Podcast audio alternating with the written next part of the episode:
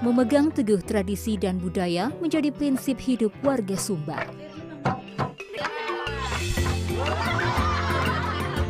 Mempertahankan cara hidup tradisional dan mengembangkan desa adat menjadi tempat tujuan wisata menjadi sumber pemasukan alternatif bagi pundi-pundi warga Sumba.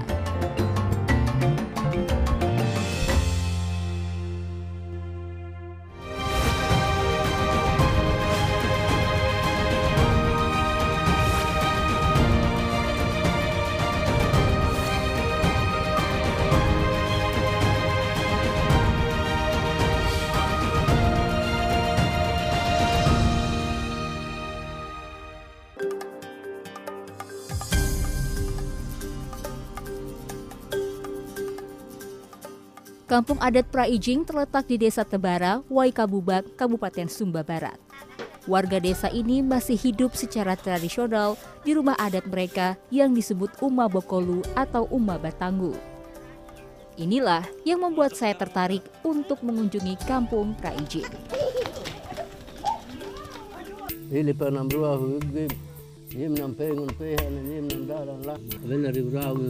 Tanam. Manawutana merupakan salah satu cara sembahyang warga Sumba untuk meminta petunjuk kepada Sang Pencipta melalui arwah nenek moyang. Penyembelihan ayam dilakukan sebagai simbol persembahan kepada arwah nenek moyang. Rato sudah baca hasilnya. Hasilnya bagaimana Rato tadi? Baik. Baik, Baik ya, itu baik. Anu nena. lolos. Lolos ya, berarti kita diterima di sini ya Rato terima. ya. Oke, jadi tadi setelah mengorbankan hewan, terus kemudian eh, setelah dibaca, hatinya kemudian dibakar dan kemudian eh, ditaruh di sini sebagai persembahan bersama dengan nasi ya, Rato ya. Dan tadi hasilnya baik, berarti kami diterima di Desa Praijing. Ya, Terima kasih Rato, terima, kasih Bapak. Terima kasih.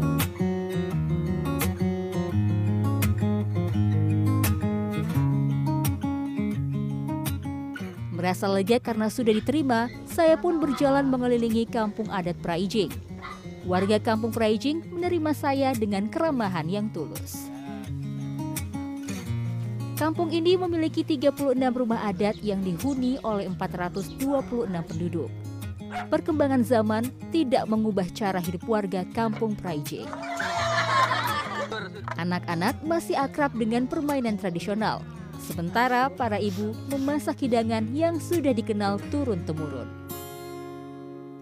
Mali ka kita kita. Ngangar lagi oleh. Halo. Lagi bikin apa ini Mama? Lagi tumbuk dan ubi. Oh, daun ubi Iya. untuk dimasak ya? Ya, dimasak. dimasak. Apa nama nama makanannya apa itu di Sumba? Rolua, Rolua. Iya. Itu ada daun ubi sama apa lagi di dalam itu? Bawang, bawang Bawang putih, putih, bawang bawang merah, merah. daun kemangi. Ini harus berapa lama ditumbuk ini, Mama? Ya, tidak lama. Tidak lama. Tidak lama. Kan Ini tiga orang yang tumbuk ini tidak lama. tidak lama. Oke, Biar satu orang saja tiap. Roolua adalah salah satu makanan khas warga Sumba. Bahan utamanya daun ubi atau daun singkong yang dicampur bawang putih, bawang merah, daun kemangi, dan beras yang ditumbuk di dalam lesung atau dalam bahasa Sumba disebut ngihung. Oke, Mama. Eh, kita langsung. Setelah daun ubi dan bahan lainnya halus serta tercampur sempurna, roolua pun siap dimasak. Memarut kelapa dan cara memasak lainnya masih dilakukan secara tradisional, menggunakan kieri atau parut kelapa dan kayu bakar. Salah satu kunci rasa gurih roolua adalah santan kelapa yang dimasukkan setelah roolua mendidih. Kelapanya tidak toh, cuman Cuman besar. Butuh waktu lebih dari 30 menit untuk memasak makanan ini.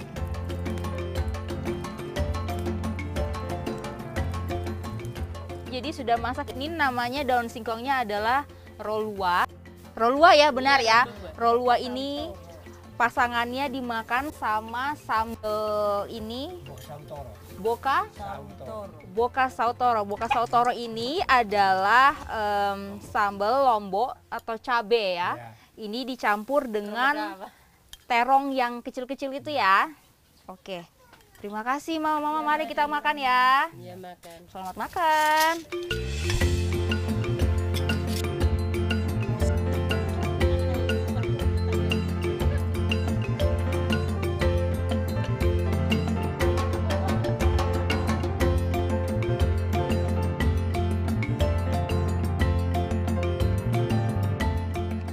Kampung adat Praijing resmi menjadi objek wisata pada 2 Juli 2018. Kampung wisata ini dikembangkan dengan dana desa pemerintah pusat melalui Kementerian Desa Pembangunan Daerah Tertinggal dan Transmigrasi. Pengembangan kampung adat Praijing tak lepas dari peran sang kepala desa Tebara, Martin Ragowino Bira, yang mengajak warga kampung Praijing ikut terlibat sebagai pelaku pariwisata. Jadi eh, kita mulai menerapkan eh, sistem kerja eh, manajemen pariwisata di mana mereka sebagai pelakunya juga. Jadi masyarakat kampung ini menjadi pelaku industri pariwisatanya itu sendiri. Nah mereka tidak menjadi penonton. Nah ini kita namakan community based tourism atau pariwisata berbasis komunitas. Sebelum pandemi, kampung ini mampu menghasilkan 500 juta rupiah setahun dari biaya retribusi yang dikenakan kepada pengunjung Praijing, yaitu Rp75.000 per orang. Warga kampung Praijing mengaku senang bisa memperoleh penghasilan tambahan. Dari pertama kita pakai sayur junjung di kota, baru ada yang laku kita beli makanan. Itu yang kurang di dapur. Itu jajan anak itu itu sampai lagi ini sekarang model lagi Sekarang lebih bagus. lebih bagus lagi. Sekarang gimana tanggapan Ya Ibu? semakin bertambah pendapatan saya. Mhm. Semakin Ya. bagus juga. Ya berarti. semakin bagus juga. Ya, mulai adanya eh, kampung ini dijadikan pariwisata ya bagi saya sangat menguntungkan bagi warga. Dari pendapatannya dari yang terutama dari ini unsur pariwisatanya Mhm. itu sangat ini bagi kami menunjang untuk sangat menunjang bagi kehidupan kami. Tak hanya bisa melihat keindahan kampung Praijing, di sini saya juga bisa melihat langsung salah satu kebiasaan perempuan Sumba, yaitu menenun. Ciri khas kain tenun Sumba Barat adalah warnanya yang terang dan mencolok. Hasil tenun para ibu kampung Praijing pun dipajang untuk dijual dan disewakan. Pengunjung yang ingin berfoto di kampung Praijing dapat menyewa satu set kain tenun beserta aksesorisnya dengan membayar Rp50.000. Saya pun tertarik untuk mencoba. Iya. Oke, oke Mbak ya. Gita.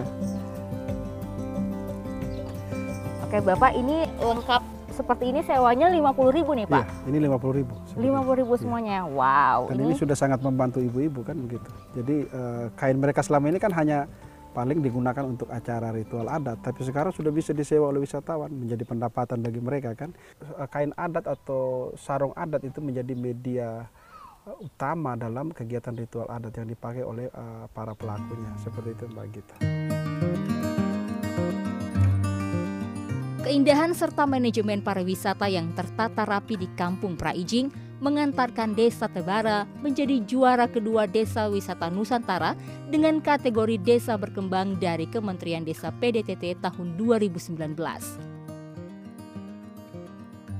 Kampung Praijing menjadi simbol kemandirian warga Sumba dalam membangkitkan geliat pariwisata di Sumba. Dari warga untuk warga menjadi konsep kampung wisata ini.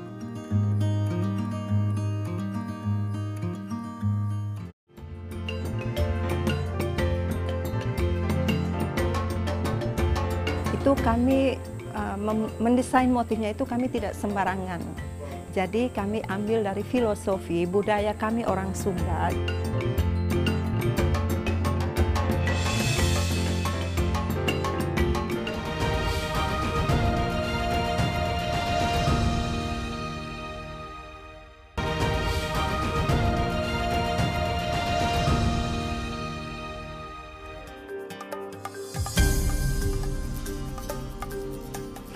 Perempuan yang bisa menenun, yang bisa mengerjakan semua proses itu, itulah perempuan idaman mertua-mertua di Sumba.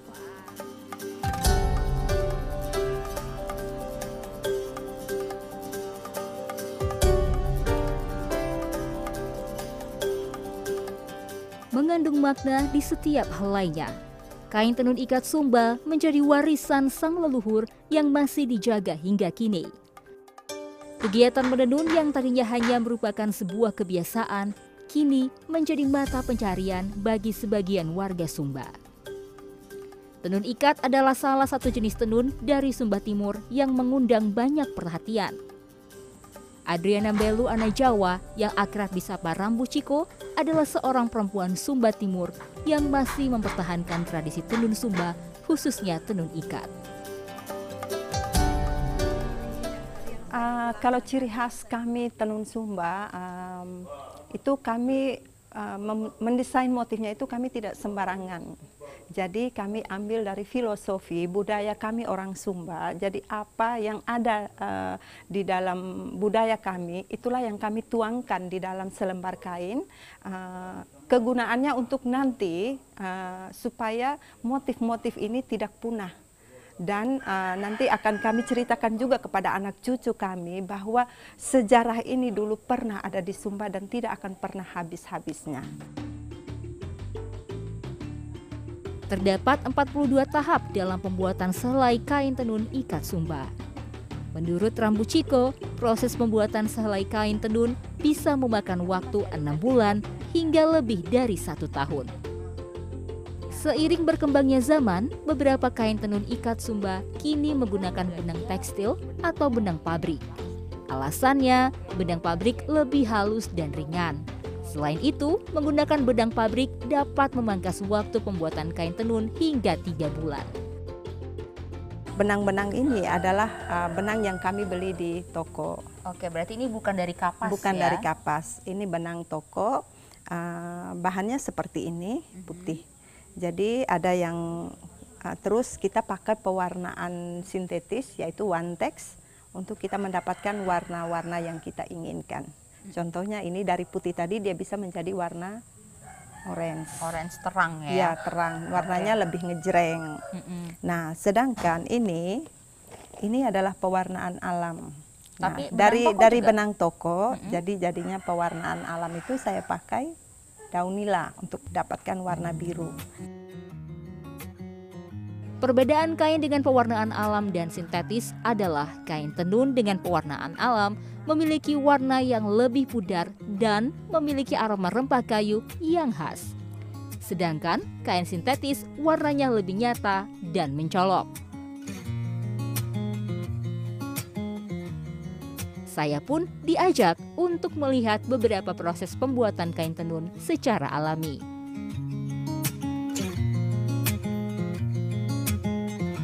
Jadi kalau saya lihat di sini ini ada tahap paling awal nih ya, ya ini yang ya. proses awalnya pemintalan um, benang. Benang bahan yang akan kita gunakan nanti untuk menjadi uh, salah satu tenun ikat bahannya itu dari kapas, kapas asli yang kita uh, tanam sendiri. Lalu kita uh, ini cara produksi, cara buatnya kita memisahkan kapas itu, biji kapas itu dari kotoran-kotoran sehingga dia menjadi uh, bahan yang seperti ini, lembut seperti ini. Lalu nanti kita putar di kayu yang seperti ini. Lalu nanti hasilnya akan seperti ini. Setelah hasil, setelah dipintal ya? Ya, setelah dipintal.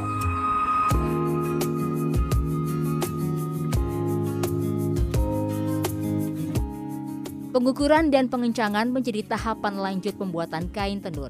Pembuatan motif menjadi salah satu hal yang sulit dilakukan. Tidak semua orang dapat melakukan tahap ini. Disebut sebagai tenun ikat karena salah satu prosesnya adalah mengikat benang. Metode pengikatannya pun berbeda-beda untuk setiap warna.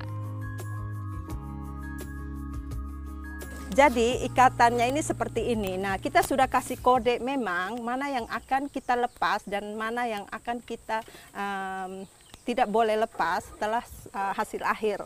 Cara mengikatnya pun itu dia harus kencang.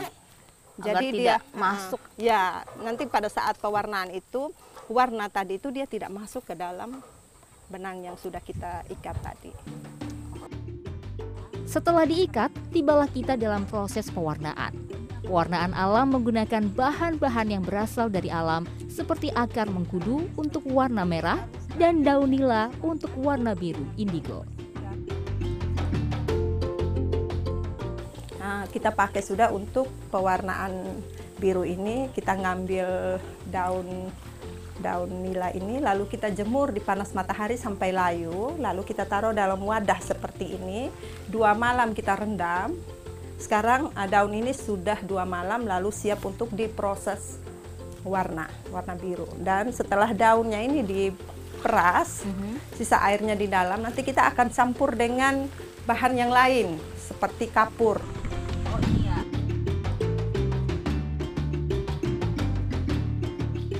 Salah satu yang menarik pada proses pewarnaan biru ini adalah pencelupan kain di dalam air nila harus dilakukan oleh perempuan saja di ruangan khusus di dalam rumah. Laki-laki tidak diizinkan masuk ke dalam ruangan tersebut. Soalnya kalau khusus warna biru ada pantangannya, laki-laki tidak boleh masuk. Terus kalau masuk ada ini ah, terjadi sesuatu, terus kalau mau berdiri saja lihat begitu saja bisa, tapi jangan masuk sampai masuk begitu. Soalnya di dalam kalau kita bilang ada ember biru tadi. Kalau laki-laki masuk, nanti tidak bisa dikasih warna lagi, rusak. Karena memiliki 42 tahap, pengerjaan satu kain dilakukan oleh 42 pekerja.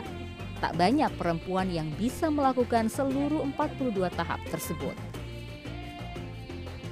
Ada juga yang dikerjakan oleh satu orang, ah, satu orang ah, misalnya kalau dia masih gadis, kalau untuk kami di Sumba, ah, perempuan yang bisa menenun, yang bisa mengerjakan semua proses itu, itulah perempuan idaman mertua-mertua di Sumba.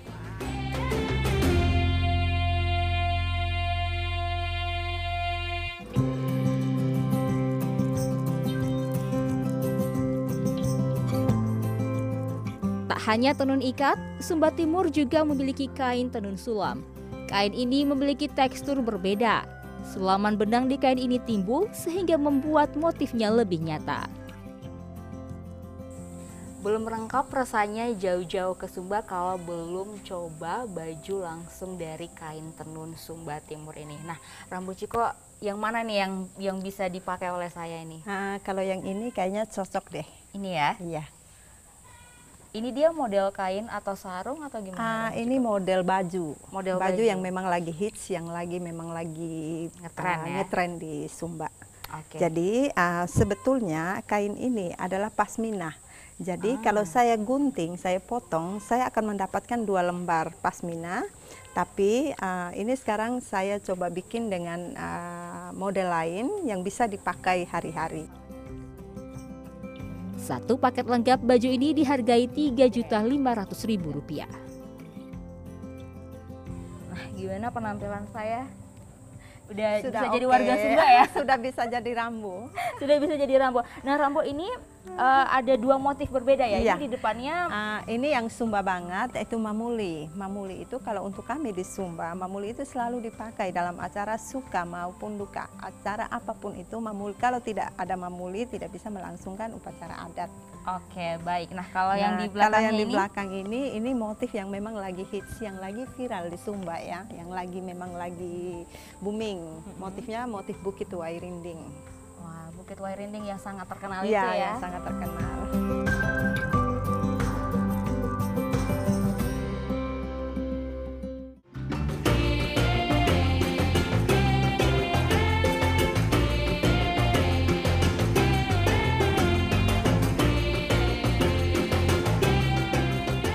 kita udah mesti me- mengikuti zaman ya kan? karena kan kita mau hidup dari budaya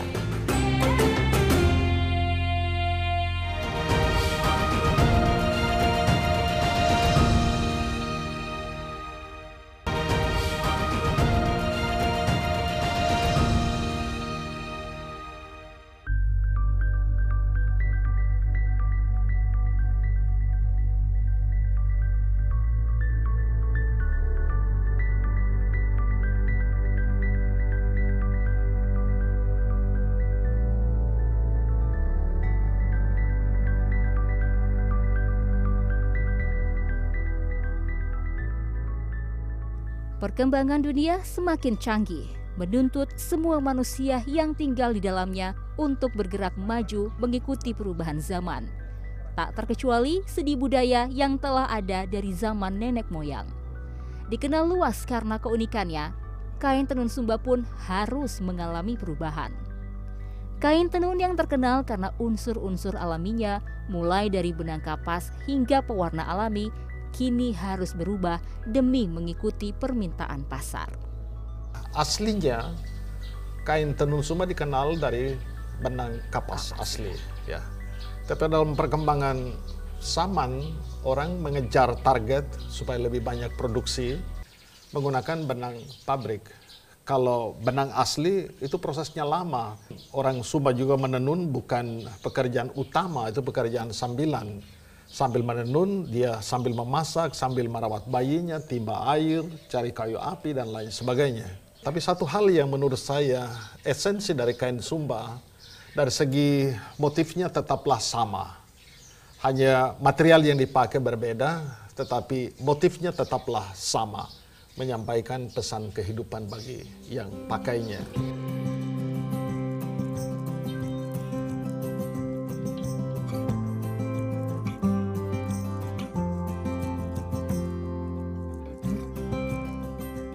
Sebagai sebuah warisan budaya, kain tenun memiliki sejumlah fungsi dan peran dalam kehidupan masyarakat Sumba. Fungsi awal kain Sumba adalah sebagai penutup aurat atau penutup tubuh. Lalu dalam perjalanan uh, waktu, kain Sumba tidak hanya menutup aurat, tapi juga mempunyai fungsi sosial. Fungsi sosial dalam arti ada pernikahan itu menjadi barang yang diberikan kepada keluarga dari orang yang melamar anak saya misalnya. Itu salah satu fungsi sosial. Kain tenun ikat Sumba Timur syarat akan makna. Setiap helainya menceritakan sebuah kisah yang berbeda. Hal inilah yang menjadi daya tariknya. Sayangnya, harga dan ketenaran kain tenun Sumba belum mampu membawa warga Sumba keluar dari garis kemiskinan. Terbukti Kabupaten Sumba termasuk dalam daftar daerah termiskin di Indonesia.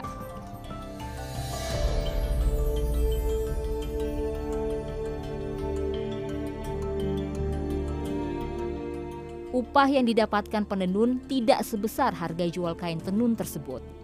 Margareta misalnya, seorang spesialis pewarnaan kain tenun.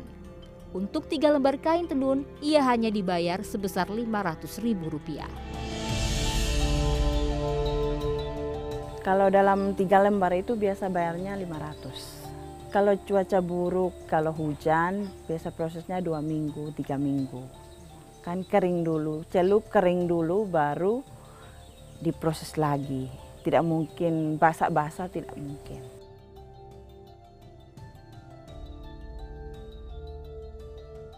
Ketua Dewan Kerajinan Nasional Daerah NTT, Juli S. Laiskodat mengatakan, penyebab besarnya perbedaan harga kain tenun Sumba di pameran dan upah yang diterima penenun adalah karena penenun tidak memiliki jaringan pembeli.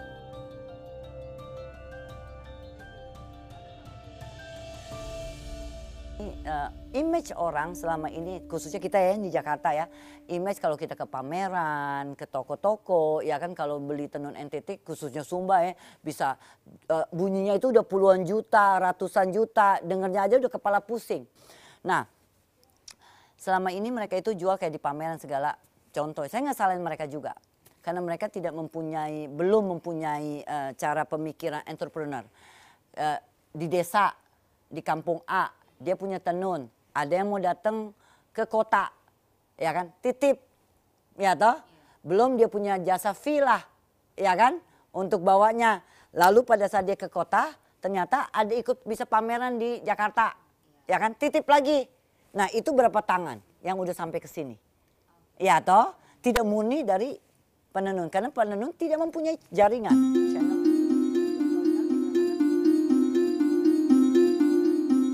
Tenun merupakan warisan dari leluhur yang dapat menjadi sumber mata pencaharian yang bisa diandalkan warga Sumba. Namun menurut Juli, untuk mencapai hal tersebut, warga Sumba harus melakukan perubahan pada beberapa hal. Jadi nggak bisa penenun saja nuntut dari kami eh, pangsa pasar dengan modal, tetapi kami juga harus eh, eh, tuntut dari penenun etos kerja, mindset dan segala macam. Kita udah mesti mengikuti zaman, ya kan? Karena kan kita mau hidup dari budaya. Saya yakin kalau leluhur kita bahwa bisa berbicara WhatsApp nama kita, ya toh, dia pasti bilang, woi saya ini tinggalin budaya ini supaya lu hidup dari budaya itu, ya toh. Bukan tidak hidup, berarti kan bagaimana mencari ekonomi. Tapi motif saya nggak boleh dirubah, kan itu yang kami pertahankan. Salah satu cara yang dilakukan Dekranasda NTT dalam membantu para penenun adalah menyediakan benang dengan harga yang lebih murah serta sistem beli putus dari penenun. Awalnya, kain tenun Sumba hanya berupa selendang dan sarung. Namun kini, kain tenun Sumba dapat digunakan sebagai pakaian sehari-hari. Para desainer Indonesia berlomba-lomba membuat busana berbahan kain tenun Sumba. Pesona kain tenun Sumba bahkan sudah terkenal hingga ke dunia internasional. Baju-baju cantik dengan bahan dasar kain tenun Sumba sudah beberapa kali tampil di panggung peragaan busana internasional seperti New York Fashion Week dan Paris Fashion Week. Untuk mencegah penciplakan, pemerintah Provinsi NTT telah mendaftarkan 700 motif kain tenun NTT dari 22 kabupaten dan kota termasuk empat kabupaten di Sumba sebagai indikasi geografis di Kementerian Hukum dan HAM.